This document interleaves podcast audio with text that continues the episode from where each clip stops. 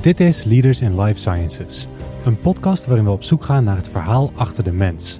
We praten met leiders van nu en later over wat hun drijft, hun carrière en privéleven. Want door naar elkaar te luisteren komen we als individu en als sector verder. We willen onze partners hartelijk bedanken voor hun steun. Dat zijn Pivot Park, Axon Lawyers, Janssen, Patterson Partners Executive Search en Scribes Fiscalisten. De gast in deze aflevering, Mariska Koster. Uw host is André van der Sande. Welkom bij de 16e Leaders in Life Sciences podcast vanuit Pivot Park in Os. Mijn gast van vandaag is geboren in 1963 in Den Haag. Ze heeft geneeskunde gestudeerd in Leiden en heeft haar opleiding tot longarts afgerond in Den Haag en Leiden.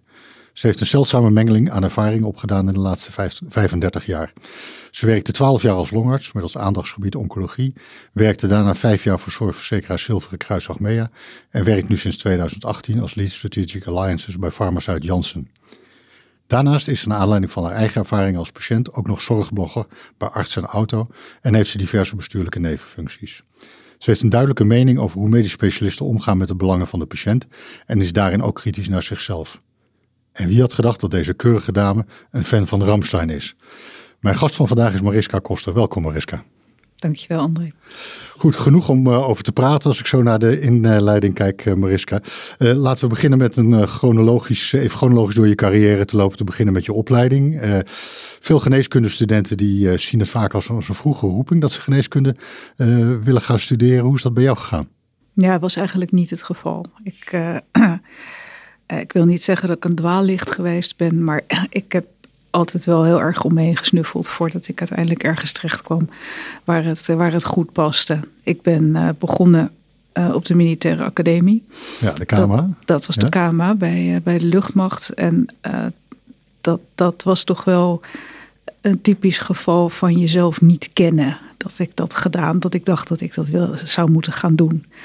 En daarna ben ik naar Leiden gegaan. Uiteindelijk in 85 ben ik medicijnen gaan studeren. Ja, en was dat een bewuste keuze of uh, hoe, is dat, hoe is dat gegaan? Wat, wat, ja, inspireerde je om die stap te zetten? Het, het, het, was wel een bewuste keuze, maar um, het was meer... Uh, het was meer iets intuïtiefs. Ik dacht van ja, volgens mij past dat wel bij mij. Ik kon me er wat bij voorstellen. En uh, maar of, ik had totaal geen idee van hoe, het vak, hoe de studie eruit zou zien. En ik had ook geen idee hoe het vak daarna eruit zou zien. Dus het, mijn leven is altijd vol verrassingen geweest. Ja, nou met een aantal interessante wendingen inderdaad. Dat, daar komen we zo nog op. Uh, en, en waarom longarts? Wat, wat? Dat kwam omdat we in het derde jaar in Leiden klinische colleges kregen. Voor het eerst zag je dan patiënten. Daar keken we natuurlijk allemaal enorm naar uit. En uh, de, uh, de inleiding in die, met die klinische colleges die werd gegeven door een longarts.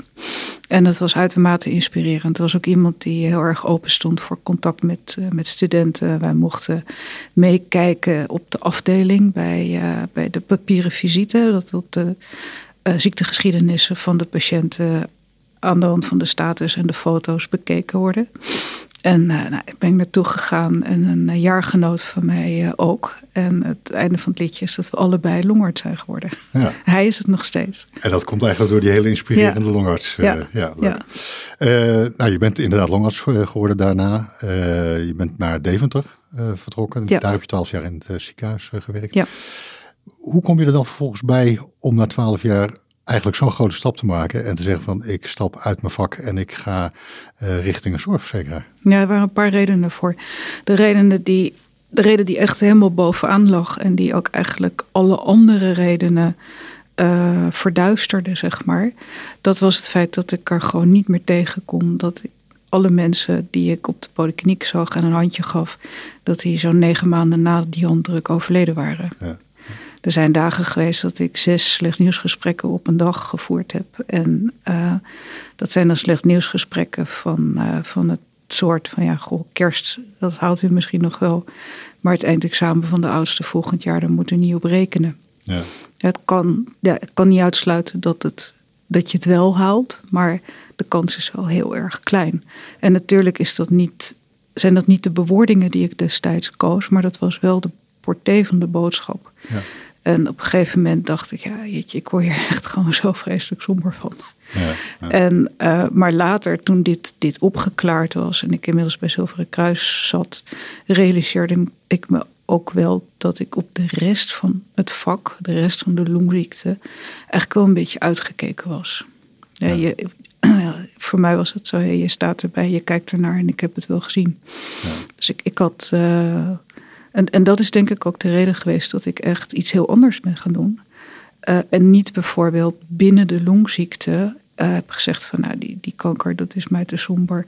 Weet je wat, ik ga lekker astma doen of uh, sarcoïdose ja. of, of zoiets. Hè? Ja. Ja, dus. ja, ik las een heel, eigenlijk een hele indringende uitspraak van jou een tijdje geleden. Waarin je zegt, ik specialist achter het bureau, professioneel, warm, empathisch, rustig. Een baker van rust in een zee vol ellende. Maar ergens achter in de spreekkamer sta ik zelf geluidloos te gillen. Ja. Was dat hoe het, wat het met ja, je deed? op een gegeven moment wel. Hè. En ik, ik realiseerde me dat ik aan het eind van zo'n zo'n zo'n hele dag spreekuur... zat ik met een emmer vol met tranen in, in mijn spreekkamer. Hè. Ja. En dat waren niet mijn tranen, maar het was wel een emmer vol met tranen. Ja. En uh, ja, op een gegeven moment uh, begon dat echt aan me te vreten. Ja, je hebt toen ook een heel indringend interview gegeven bij Pauw en Witteman. Ja. Over je besluit om, mm -hmm. om, om, die stap te zetten. Uh, en dat leverde eigenlijk een heleboel positieve reacties op van vakgenoten die die situatie herkenden, of niet? Ja, zeker wel. Uh, bij, bij Pauw en Witteman ben ik gekomen omdat ik in medisch contact uh, gepubliceerd had dat je als medisch specialist tot op zekere hoogte een eenzaam vak hebt. Hè? Ja. En ik heb daar later nog wel meer uh, zowel over gelezen als over geschreven. maar een van de dingen um, die naar mijn smaak speelt, is dat je als medisch specialist um, moet voldoen aan niet helemaal realistische eisen over wat je moet kunnen, wat je moet aankunnen, wat je moet kunnen verdragen.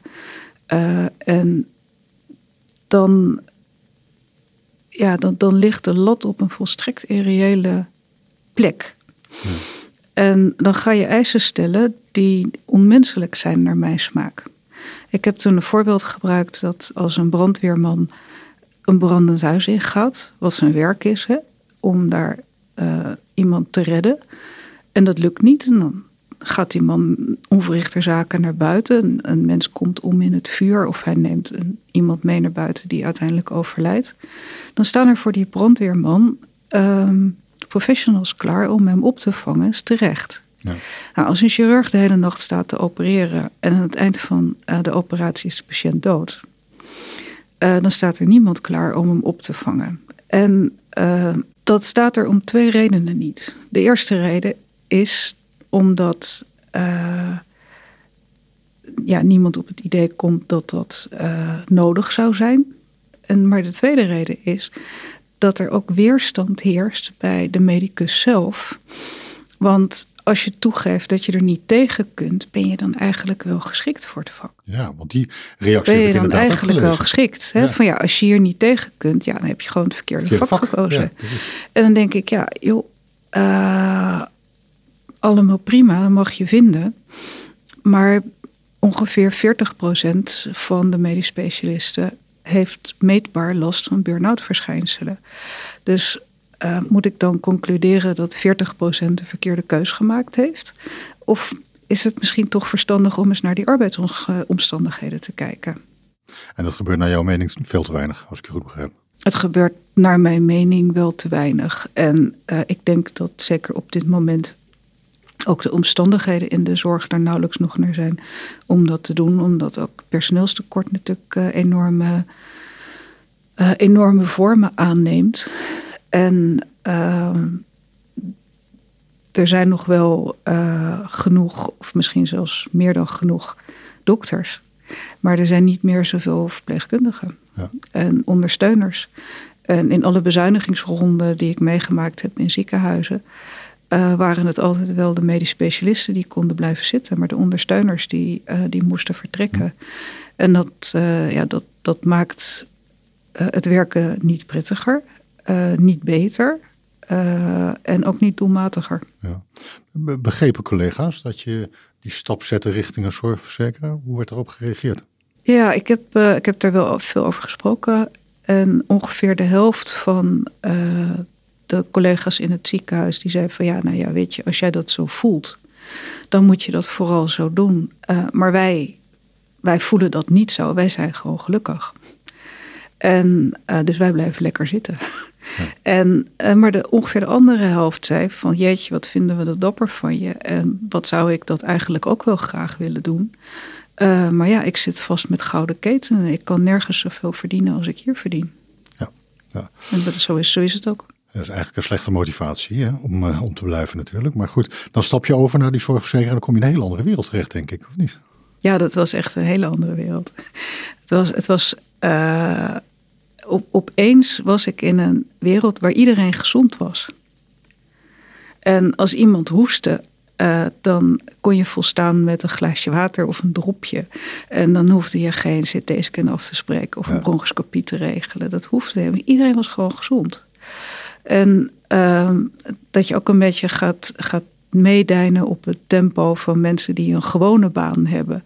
Ik herinner me dat ik op een gegeven moment zei van... Goh, zo fijn, ik, uh, Pasen en Hemelvaart en Pinksteren zijn gewoon vrij. En ze keken me echt aan alsof ze het in Keulen hoorden donderen. Maar ik ben 25 jaar lang nooit vrij geweest op al die feestdagen. Ja. Dus uh, het was echt een hele andere wereld. Ja. Ik heb al met al heb ik geloof iets van negen maanden het gevoel gehad dat ik betaald op vakantie was. Terwijl ik een fulltime baan had. Hè? Ja, ja. en, maar het is ook een hele andere wereld. Mist je het patiëntencontact niet? Daar was ik bang voor dat ik dat zou missen. Want ik realiseerde me ook wel dat, dat weer terugstappen de ziekenhuiswereld in, dat dat erg moeilijk zou zijn. Maar dat is uiteindelijk helemaal niet gebeurd. Nee, nee is niet geweest. Uh, nou, nou is geen enkele wereld ideaal, hè? ook bij de zorgverzekeraars niet, uh, denk ik. Uh, waar, waar, loop je daar tegenaan? Um, bij de zorgverzekeraar loop je er tegenaan dat uiteindelijk er gewoon binnen het financiële mandaat moet worden ingekocht. En dat, ja, dat is de bottom line. En dan kan je hoog springen en laag springen, maar dat is, ja, dat is waar dingen stoppen. Ja. En dat maakt dat welk fantastisch kwaliteitsproject uh, je ook verzint, als het niet binnen het mandaat past, dan kan het niet. Ja. Dus je komt heel erg, denk ik, in een situatie waarin je moet kiezen uh, tussen welke zorg wel en welke zorg niet. En dat is niet altijd misschien de meest optimale keuze. Nee, dat is niet zo dat je daartussen moet kiezen. Uh, want wat je moet inkopen, dat staat gewoon heel netjes in, in, in, in het basispakket. Dat is de zorg die je moet inkopen. Maar het gaat erom dat je als zorgverzekeraar in ieder geval, zo, dat was de bedoeling hè, toen de zorgverzekeringswet van start ging, dat je ook een regiefunctie had en dat je kwaliteit moest bevorderen en dat je moest gaan inkopen op kwaliteit. En dat is extra. En uh, dat extra, dat is nooit van de grond gekomen. En dat heeft voor een deel te maken met uh, het feit dat die financiële uh, druk uh, er natuurlijk altijd is. Maar het heeft er ook mee te maken dat die regierol de zorgverzekeraar op geen enkele manier gegund wordt. En dat, uh, ja, dat zeggen de meeste ziekenhuizen niet staan te trappelen om zorg uh, over te hevelen naar een ander ziekenhuis, omdat dat uh, kwalitatief gezien beter zou zijn. Ja, dat zijn lastige discussies. Dat zijn hele lastige discussies, ja. Kan ja. me voorstellen. Uh, je hebt vijf jaar uh, bij Silverkruis Achmea gewerkt. Toen heb je de overstap gemaakt uh, naar Janssen. Eigenlijk weer Ja. een hele nou ja, andere richting. Het heeft natuurlijk allemaal met zorg te maken op de een of andere manier. maar het is toch ook wel weer een hele andere wereld dan je daar bij, bij Achmea gewend was. Ja, het is een hele andere wereld. En het is eigenlijk gekomen omdat... ehm, nadat ik bij Pauw en Witteman was geweest op tv, ze kijken bij Jansen kennelijk ook tv, uh, werd ik door Jansen gebeld van goh, uh, we willen eigenlijk willen met je praten, want we denken dat je wel goed past bij ons.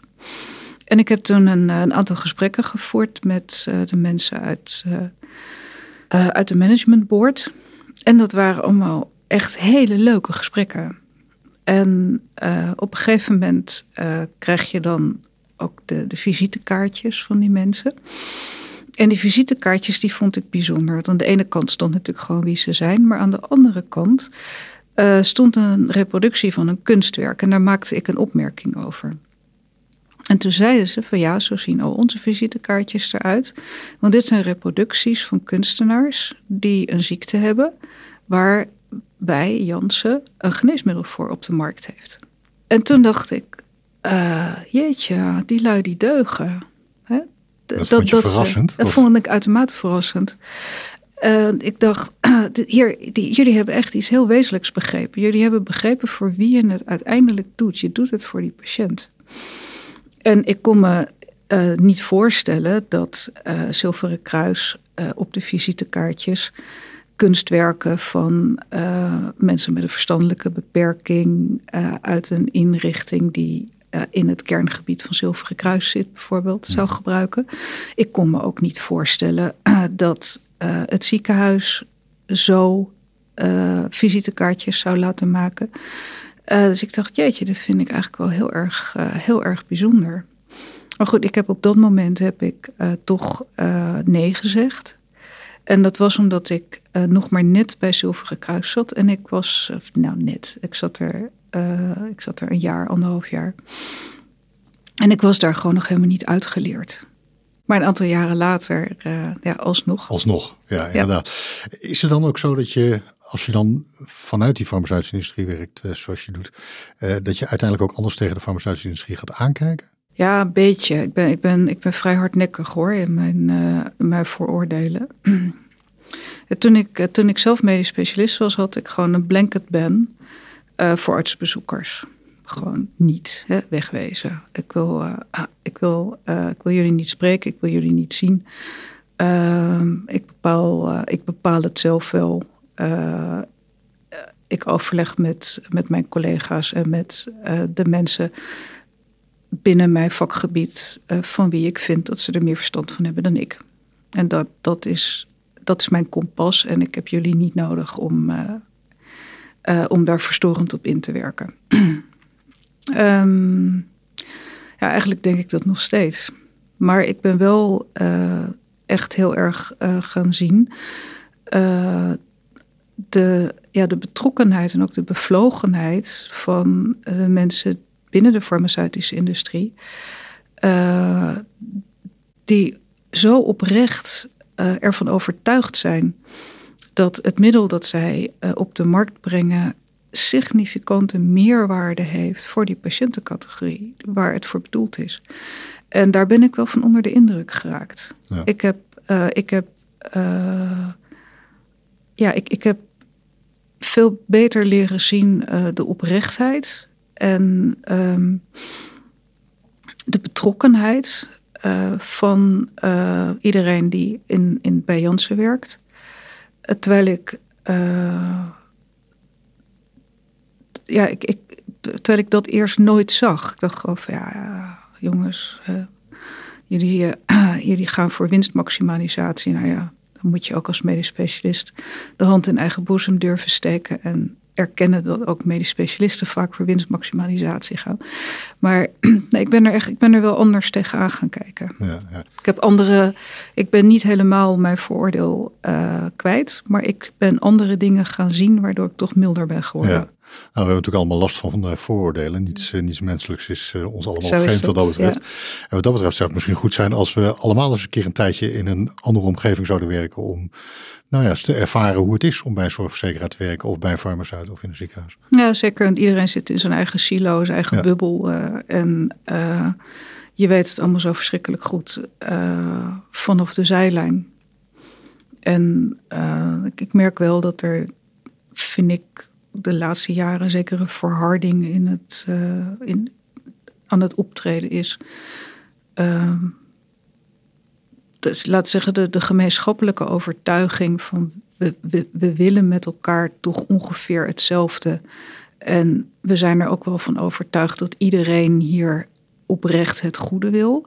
Ja, dat lijkt een beetje verdampt te zijn. Dat vind ik wel erg jammer. Je bent uh, op dit moment lead strategic alliances bij, bij Janssen. Wat houdt mm -hmm. dat in? Dat betekent dat ik in Nederland verantwoordelijk ben voor strategische samenwerkingsverbanden die Janssen heeft met een aantal universitaire partners en kennisinstellingen. Waarbij we uh, met elkaar afgesproken hebben om al bestaande samenwerkingen te verbreden en te verdiepen. En die samenwerkingen die liggen vooral op wetenschappelijk gebied. Ehm, uh, op gebied van uh, klinisch onderzoek, maar ook zorgverbetering. En op een aantal maatschappelijke thema's, uh, zoals duurzaamheid en talentuitwisseling. Ja, oké. Okay. vervolgens, je bent bij Janssen. Komt er eigenlijk een, een, een, levensveranderende ervaring op, op je pad? Je wordt zelf patiënt. Wat, wat doet dat met je? Ja, dat is wel een hele grote vraag. Wat ja. doet dat met je? Um, ik was, uh, ik, ik ben me doodgeschrokken. Ik was echt, uh, uh, echt uit, volledig uit het lood geslagen. Ik, je gezondheid is, zolang je gezond bent, iets wat volstrekt vanzelfsprekend is. En op het moment dat er iets anders komt dat, dat jou ziek maakt, anders dan uh, je breekt dus wat uh, of je hebt een infectie die goed behandelbaar is. Ja, dat, dat heeft me echt uit lood geslagen. Ja, dat was heb, uh, natuurlijk. Ja, ik heb echt, ik, ik heb echt maanden gedacht, goed, ik ga gewoon dood. Hè?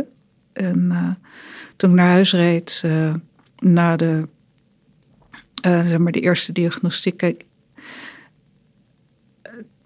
als, als, als arts maak je natuurlijk een praatje met, uh, met, je patiënt. Hè. Dat gaat niet allemaal zwijgend als het graf.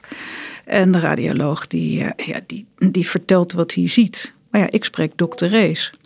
Dus uh, als hij zegt, ja, ik zie, dat, ik zie een verstoring van de architectuur. Dan hoef je mij niks meer te vertellen. Dan is het gewoon kanker. Ja. En ehm, ik, ik reed naar huis en ik, ik kwam thuis. Ik, ik, was echt blij dat ik niet onderweg tegen een boom of in een sloot was, uh, was beland. Dus het was heel, uh, heel heftig. Ja. En dan sta je opeens aan de andere kant van de zorg. Hè? Je kende de zorg natuurlijk van binnenuit vanuit het ziekenhuis. Uh, maar opeens ben je dan patiënt en dan ben je niet zorgverlener, maar zorgconsument als, als, als het ware. Ja. De, en, en als patiënt was je verbijsterd over wat je meemaakte, of niet? Ja, ja dat, waren, het was wel uh, ontnuchterend, zou ik haast zeggen. Ja, kun je iets meer vertellen over die ervaringen die je toen op hebt ja. gedaan? Ja, ik, ik, ik wil echt, uh, voordat ik uh, van wal steek, wil ik echt zeggen dat iedereen die mij behandeld heeft, onvoorstelbaar schattig, lief, vriendelijk, betrokken enzovoort was. daar ging het gewoon helemaal niet om. ik ben overtuigd van alle oprechte, goede intenties. Ehm, maar toch. Um, je bent gewoon een tumor op pootjes. Dat, uh, daar doen al die goede intenties niks aan af. En al doen mensen hun best om je toch als geheel te zien. Ja, je bent er maar om één reden. Het is omdat je ziek bent. Ja. Je bent er niet omdat je kan ballet dansen of klarinet kan spelen. Dat zijn allemaal aspecten die wegen niet. Je bent daar vanwege je diagnose en dat is leidend. Uh, waar ik ook tegen waar ik echt um, wat verbaasd over was, dan zeg ik het voorzichtig, is hoe dwingend men omgaat met de richtlijnen die er zijn. En uh, ik, ik, sprak met, met de chirurg en ik zei ja, ik, ik heb toch wel wat bezwaren tegen die radiotherapie. Niet wat bezwaren, ik heb veel bezwaren tegen die radiotherapie. En hij zei toen van ja, nou ja, weet je, ik geef je groot gelijk, maar ik schrijf toch op advies radiotherapie. Want dat, zo staat het in de richtlijn. Ja. ja. En uh, dat, dat is een van de uh, redenen, denk ik, waarom het moeilijk is uh, om wezenlijk eh, gezamenlijk over een behandeling te beslissen. Want Um, ja, je kan als patiënt op je kop gaan staan, maar de dokter heeft toch gewoon gelijk, vindt ja. hij zelf. Ja. En de, de, de redenen die jij hebt en de dingen die jij belangrijk vindt, die vallen in zijn belevingswereld gewoon weg tegen het belang van uh, de optimale medisch-technische behandeling uh, en het belang te voldoen aan richtlijnen, et, et, et cetera. En dat, uh, nou ja, ik, ik was uh, ik was erg on, onthutst van dit geheel. Ja, had je de indruk dat je serieus genomen werd als, als patiënt? Uh, ja, op een bepaalde manier wel en op een bepaalde manier ook niet. Uh, ja, ze luisterden echt wel naar me. Ehm, maar wat ik te melden had, kwam op de een of andere manier gewoon niet door. Nee. Eh, ik, ik heb uiteindelijk besloten niet bestraald te willen worden, omdat in mijn specifieke geval de bestraling uh, niet bijdraagt aan de overleving. En ik helemaal geen zin heb in, in de bijwerkingen. En daar heb ik een uur over gesproken met een radiotherapeut. En aan het eind van dat uur zei hij van ja, ik wil toch wel over vier weken beginnen met die bestraling. Alsof dat hele gesprek niet had plaatsgevonden. Alsof, alsof men alleen maar een beetje empathisch meeresoneert. Um, en dan vervolgens eigen zin doet. Ik heb dat op een gegeven moment vergeleken met uh, hoe ik dat met mijn kinderen deed. Als we een dagje vrij hadden. Uh, dan wilden zij van alles. Hè. Ze wilden naar Walibi en naar Six Flags en naar de Efteling. En uh, nou ja, ja, ik resoneerde dan ook empathisch mee. Maar ik wist al lang dat we naar het Openluchtmuseum in Arnhem zouden gaan. En dat wist ik heel erg zeker, want ik had namelijk de autosleutels en de portemonnee. En het enige waar ik voor moest zorgen was dat zij uh, dat Openluchtmuseum ook leuk vonden.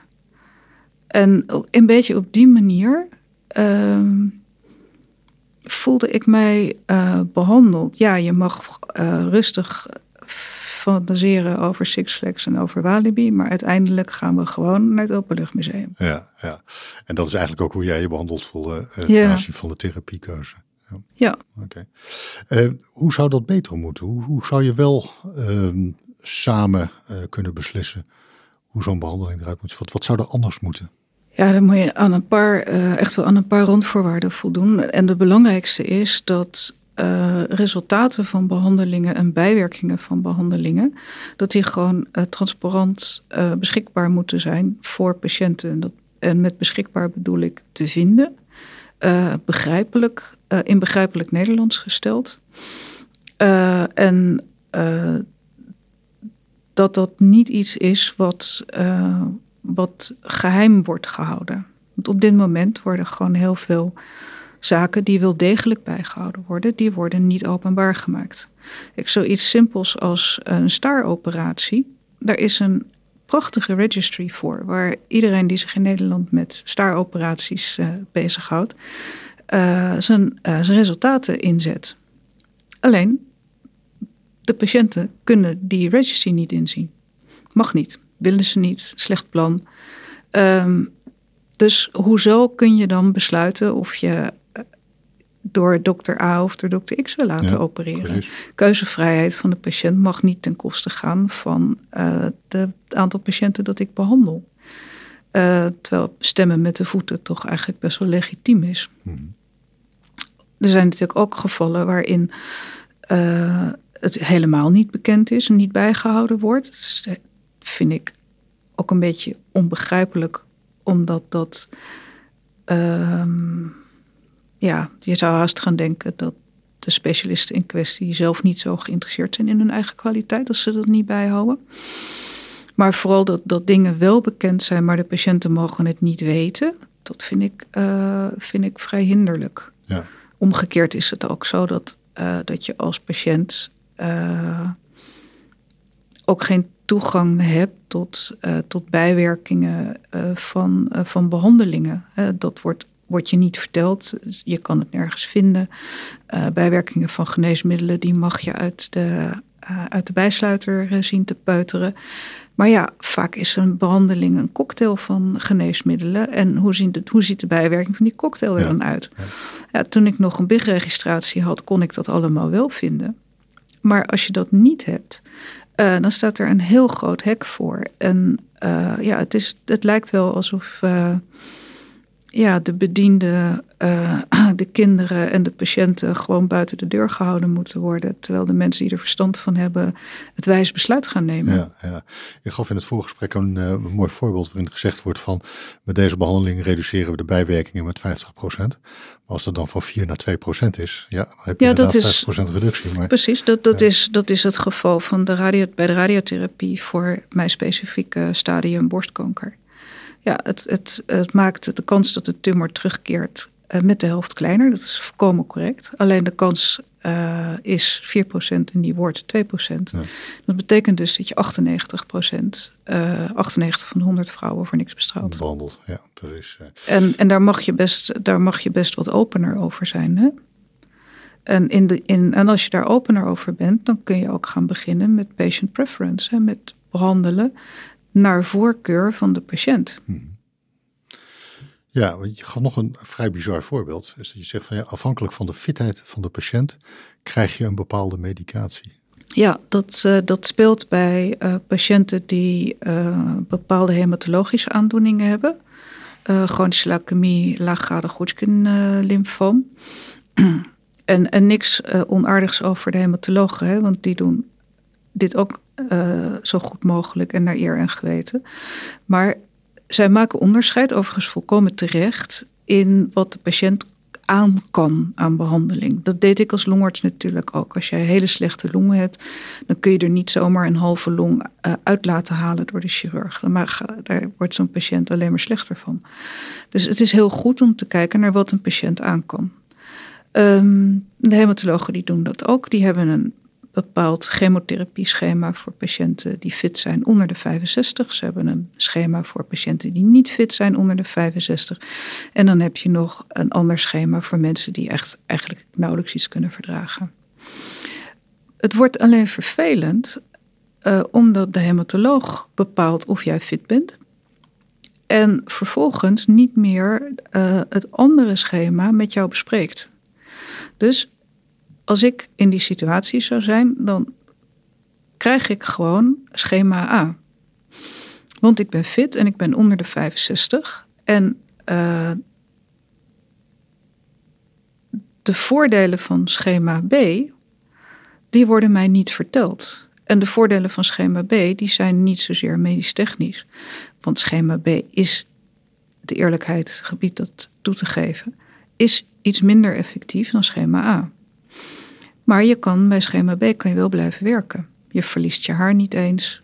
Uh, je kan gewoon je leven blijven leiden zoals je dat deed. Maar het wordt niet met je besproken, want je bent fit.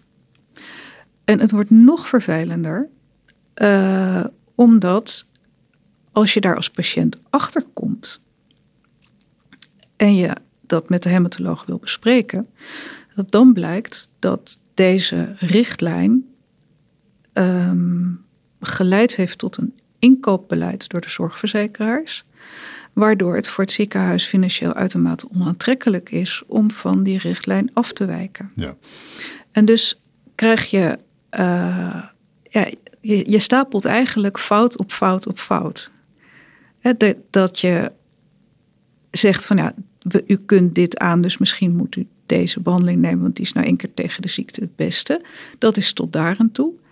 Maar een andere keuze niet even daar, daaraan gelijkwaardig presenteren, dat niet doen, dat vind ik al niet goed. En uh, de patiënt kan daar uiteindelijk helemaal niet in kiezen, omdat de richtlijn is vertaald in een inkoopbeleid. En daardoor um, ontstaat er een vermenging van, van rollen, waardoor eigenlijk uh, de medisch specialisten degene zijn die het inkoopbeleid bepalen. En uh, dat zou naar mijn smaak niet zo moeten zijn. De dokter moet samen met de patiënt in alle vrijheid kunnen uitvogelen welke behandeling het beste is. In alle opzichten, zowel voor de patiënt zelf als voor uh, de behandeling van de ziekte. Ja.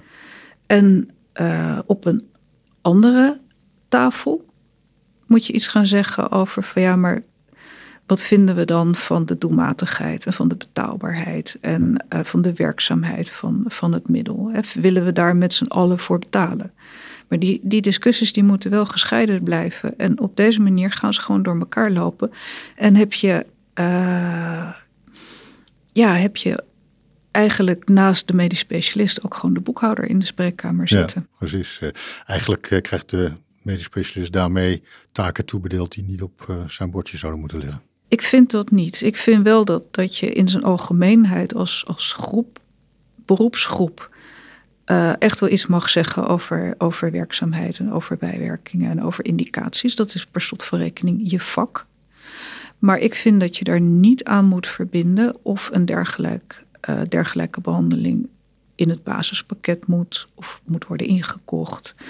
of door je ziekenhuis moet worden voorgeschreven. Ja. of in, je, in je, de formularium van je ziekenhuis moet zitten.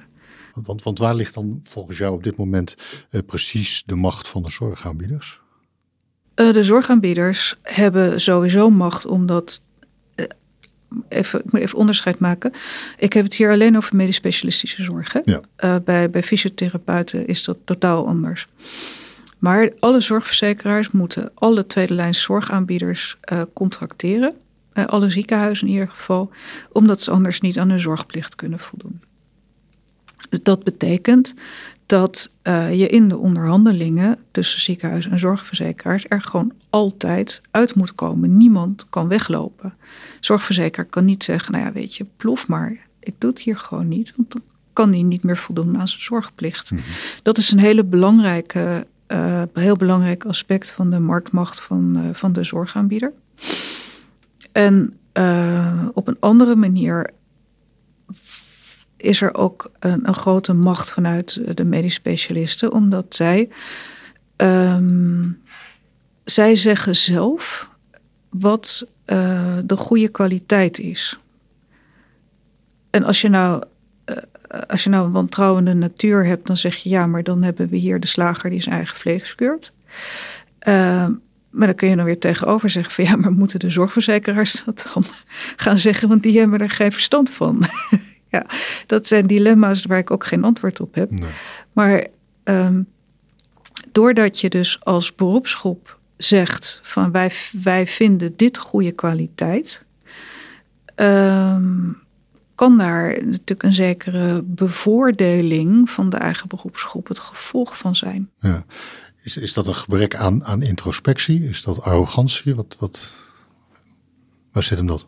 Ik denk dat uh, eigenlijk iedere individuele arts uh, met ongelooflijk veel passie voor zijn patiënten zijn beslissingen neemt. En uh, altijd de overtuiging heeft dat hij handelt in het belang van die patiënt. Uh, op het moment dat je die individuen bij elkaar zet en het wordt een groep, een, vakbond, dan, dan gaan er hele andere processen lopen. En dan ja, dan, dan is het niet meer of het voor een individuele patiënt goed is, maar dan is het voor een ziekenhuis goed. Is het voor mijn vakgroep goed? Is het voor, um, ja, voor ons, hè? Want, voor mijn werkplezier. Ja. Kijk, kijk naar de discussie over de kinderhartchirurgie. Dat heeft nu voor niks 30 jaar geduurd. En dat komt omdat deze uh, groepsprocessen, naar mijn smaak, een hele belangrijke rol spelen. En uh, het wordt.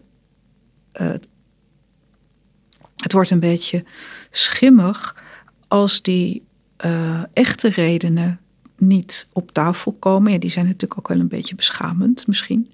En dat er altijd geschermd wordt met het patiëntenbelang. Ja, terwijl we eigenlijk de patiënt juist niet centraal aan het stellen zijn. Nee, nee. eigenlijk niet. Ja.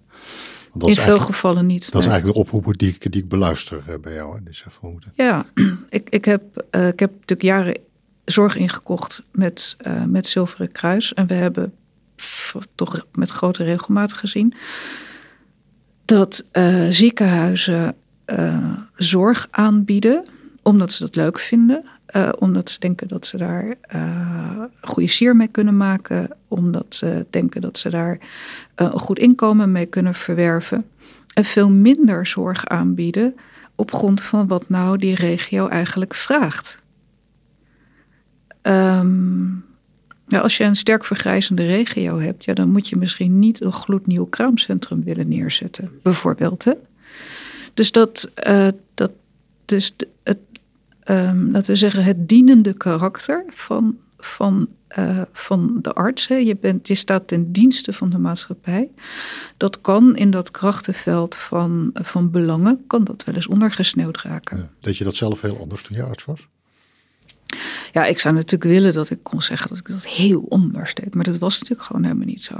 Nee. Ik, uh, ik vond zelf ook dat uh, uh, ik het veel beter wist dan mijn patiënten. En um, dat het dus in hun belang was dat zij gewoon uiteindelijk deden wat ik zei. En ehm, je kunt als medisch specialist kun je bijna iedere patiënt in bijna iedere behandeling kletsen. Dus ja, je had weinig mensen die, die daar hard tegen ingingen. Het is pas helemaal aan het einde van, uh, van mijn uh, tijd in het ziekenhuis dat ik het echt anders ben gaan doen. Ja. En uh, ik herinner me een, een, een, een, man die was nou nog niet eens zo oud, die was een jaar of tussen de 65 en de 70. En die had bloed opgehoest en die had dus longkanker. Punt. En uh, hij had dat in een stadium waarvan toen de richtlijn zei: dan moet je gelijktijdig chemotherapie en radiotherapie geven. Dat is een hele pittige behandeling. En uh, als je pech hebt, heb je niet meer de tijd om van die behandeling te herstellen. De kans dat die werkt is namelijk niet zo heel groot. En en ik raakte met deze, man aan de praat. En het bleek dat hij boer was geweest. En dat hij nog steeds op de boerderij woonde in een klein huisje. En dat hij een moestuin had. Goh, moestuin meneer, wat leuk. Ja, hoe groot is die moestuin? Nou, die was zo groot als een half voetbalveld. en uh, die was hij aan het spitten. En hij zei, ja, ik heb nou geen haast meer, dus daar doe ik gewoon een week over. En het bleek dat die tuin en alles wat hij daaraan beleefde, dat was zijn leven. En uh, toen hebben we uiteindelijk samen bedacht dat we die behandeling helemaal niet gingen geven. Dat ik hem alleen maar een vrij korte bestralingsbehandeling zou laten geven door de radiotherapeut. Zodat hij de hele zomer, hè, zonder last van dat bloed ophoesten, gewoon lekker in die moestuin aan de slag kon gaan. En zo heeft het ook gedaan. Hij is in november dood gegaan. Ja. En, en dat. Uh, daarvan denk ik nog steeds van nou dat heb ik goed gedaan. Maar het feit dat ik me dat kan herinneren, betekent dat dat, dat een eilandje in een zee is uh, waarin ik dat niet gedaan heb. Hè? Ja, Ben, je, ben je wat activistisch van karakter, als ik het zo mag noemen, in de zin van in willen zetten voor het goede willen doen, et cetera? Ja, ja en nee. Ja, uh, ik heb mijn motivatie gedurende mijn hele carrière is geweest: ik wil verschil maken. Het moet uitmaken of je bij mij geweest bent, of je met mij gesproken hebt, of ik me er tegenaan bemoeid heb. Dat moet echt verschil maken. Uh, ja, in die zin uh, ben ik activistisch. Maar nee, uh, ik ga niet op de barricade. Nee. Dat, dat, dat, dat, dat is een brug te ver. Is, is, heb je, is dit iets wat je van huis uit hebt meegekregen? Of waar komt die motivatie vandaan? Ja, ik denk wel een beetje. Mijn vader was goed katholiek. En eh, die had echt wel heel erg die maatschappelijke betrokkenheid. Hij is, uh, hij is altijd uh, zijn hele werkzame leven, hij was gemeenteambtenaar, betrokken geweest bij wat katholieke organisaties voor maatschappelijk welzijn. En die zijn later in de jaren zeventig zijn die allemaal opgegaan in de GGD's. Maar daar maakte hij zich, ja, daar maakte hij zich uitermate nut en dat vond hij heel erg belangrijk. En, en dat ja, dat is zeg maar een beetje de lucht die je dan thuis inademt. En dat, uh, dat, dat, neem, je, dat neem je mee. Ja, ja. oké. Okay. Uh, je hebt drie zonen, heb je me verteld. Uh. Staan die op dezelfde manier in het leven? Volg, treden ze in jouw voetsporen? Um, nou, niet als het gaat om kiezen voor de zorg of voor geneeskunde of voor aanpalende dingen. Dat, dat doen ze helemaal niet. Maar wel zeker de middelste met die maatschappelijke betrokkenheid. Ja. ja. die, wil, die wil ook echt verschil maken. Hij, is, hij maakt zich actief in een politieke partij en daar schrijft stukken voor de krant, dat, dat soort dingen. Dus ik, ik denk ja, tenminste bij een van de drie is het gewoon doorgesiepeld. Ja, ik kan me ook voorstellen dat ze best trots zijn op van wat hun moeder allemaal gedaan heeft. Ja, nou ja, dat, dat, dat, als dat zo is, weten ze dat goed te verbergen. Het is, uh, het is voor hen meer. Um, ik ben natuurlijk een moeder. Hè? Ik ben gewoon een volstrekte vanzelfsprekendheid. Ja. En um, wat ik doe is ook in hun ogen niet zo duidelijk. Kijk, vroeger werkte ik in het ziekenhuis als medisch specialist. En wat doet, wat doet je moeder daar? Ja, die maakt zieke mensen beter. Maar wat ik nu doe, ja, dat kan je niet in één zin uitleggen. En wat ik bij de zorgverzekering kon je ook niet in één zin uitleggen. Dus het zit heel ver bij hun belevingswereld vandaan.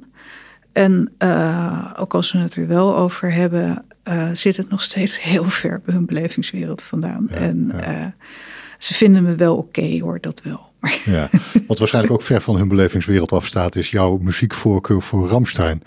Uh, daar kunnen ze zich eigenlijk helemaal niks bij voorstellen dat je keurige moeder een fan is van Ramstein, of niet? Nee, dat, dat, dat was. Uh, dat is wel een hele mooie herinnering. Uh, op een gegeven moment, ik geloof dat Paul van der Hoeven zomergast was, dus dat is echt jaren geleden. Zat ik daar naar te kijken en een van de dingen die hij liet zien was een opname van Ramstein in Nîmes, in het amfitheater daar. En ik zat daar naar te kijken en toen stapte mijn oudste zoon binnen. En eh, die verstijfde in de deuropening en die zei: Mama, dat is Ramstein. Ik zei: Ja, dat weet ik. Hij zei: Maar mama, dit is Ramstein. Ik zei: Ja, daar, kijk ik naar. Dat, uh, ja, maar mama, je bent een mevrouw. Uh, dus, dus, dit was echt, uh, dit, dit, waren twee dingen die ze niet makkelijk bij elkaar konden. Dat is echt een shock. Ja, nou, leuk. Uh, als, als, we dan weer even een stapje terugmaken naar, naar de Nederlandse zorg. Mm -hmm. wat, wat zou er in jouw optiek moeten veranderen? Op het moment dat jij zeg maar de ministerspost van Ernst Kuiper zou overnemen. Wat, wat zou je dan willen aanpassen? Um, ik zou die, die vermenging van die rollen uit elkaar willen halen. ik zou de medisch specialisten uh, toch wel in loondienst willen hebben. Ik zou uh, het zorginstituut echt doorzettingsmacht geven. Dat hebben ze wel, maar dat gebruiken ze mondjesmaat. En ik zou uh, eisen dat kwaliteitsinformatie openbaar wordt gemaakt. Ja. Oké, dat zijn een aantal hele duidelijke keuzes. Ja. Waarom gebeurt dat nog niet? Nou ja, omdat uh, in de zorg in Nederland iedereen hindermacht heeft en niemand heeft doorzettingsmacht. Hm. Kijk, uiteindelijk heeft de minister wel doorzettingsmacht, hè, maar uh, je, ziet ook, je ziet ook wat er dan gebeurt. Uh, deze minister heeft besloten om de kinderhartchirurgie te concentreren in, op twee plekken in Nederland. En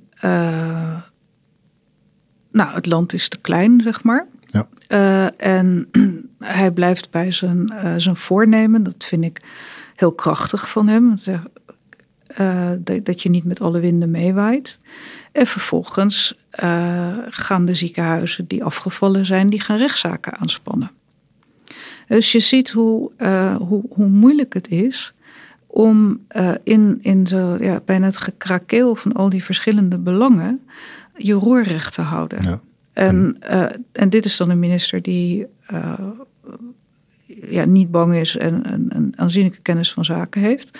Maar heb je een iets wijfelender bestuurder, dan, dan weet je natuurlijk wat er gebeurt. Hè? Dan, dan is die gewoon een speelbal van, uh, van hele machtige belangengroeperingen, zoals de Federatie Medisch Specialisten, Nederlandse Vereniging van Ziekenhuizen, vul maar in. Ja, met allemaal te veel tegenstrijdige belangen. Ja. Uh, waardoor we uiteindelijk een aantal keuzes niet maken die we wel zouden moeten maken. Die, ja, en, en uiteindelijk, hè, want ik, ik, ik, noem, ik noemde een aantal dingen van wat zou je concreet gaan doen, maar uiteindelijk zou je natuurlijk toe moeten naar een zorgsysteem dat niet meer ziekte centraal stelt, maar gezondheid. Ja. En eigenlijk is op dit moment alles wat, uh, wat, wat, er gebeurt, hè, enkele uitzonderingen daar gelaten, is ziektegericht en niet gezondheidsgericht. Het voorbeeld wat ik gaf van die, die chemokuren door de hematologen, dat is ziektegericht denken. Dat is niet gezondheidsgericht denken. natuurlijk is er een overlap tussen, tussen die twee, maar het is wel een heel ander accent. Duidelijk. Oké, we benaderen langzamerhand het einde van deze podcast, eh, Mariska. Uh, vaste vraag aan het einde aan mijn gasten is altijd van, heb je nog een boodschap voor, voor de luisteraars of iets wat je mee wilt geven in ieder geval? Ja, uh, iedereen die naar deze podcast luistert, die is patiënt. Het merendeel van die mensen, die weet dat nog niet. Maar je bent patiënt. En op een dag wordt dat manifest. En dan moet je keuzes maken over uh, behandelingen die je voorgesteld worden. En de enige manier om daar goede keuzes in te maken, is er voor jezelf te weten: wat past bij mij? Wie ben ik? Wat ben ik bereid los te laten? Wat wil ik per se behouden? Wat past wezenlijk bij mij? En als je dat weet, dan uh, heb je de, de innerlijke stevigheid, zou ik haast zeggen, om aan uh, de arts de goede vragen te stellen over de behandelingen die hij voorstelt. En dan kun je ook een goede keus maken. En wat die keuze is, dan maakt dan eigenlijk helemaal niet zoveel meer uit. Want als het bij jou past, is het dus de juiste keuze. Ja. Nou, stof tot uh, nadenken voor ons allemaal. Uh, mooie, mooie oproep. Uh, ik wil je heel graag heel hartelijk bedanken voor dit hele boeiende gesprek, Mariska. En ik ben heel benieuwd naar welke stap je nog gaat zetten in de toekomst. Ja, dankjewel. Dit was Leaders in Life Sciences. Dankjewel voor het luisteren. Vond je iets van deze aflevering? Wij ontvangen graag jouw feedback. Wat houdt bijvoorbeeld jou bezig en over wie wil je meer horen? Laat het weten via een Apple of een Google review. Of stuur een berichtje via social media of natuurlijk gewoon per mail. Onze waardering is groot. Tot slot nog dank aan onze partners. Dat zijn Pivot Park, Axon Lawyers, Jansen, Patterson Partners Executive Search en Scribes Fiscalisten.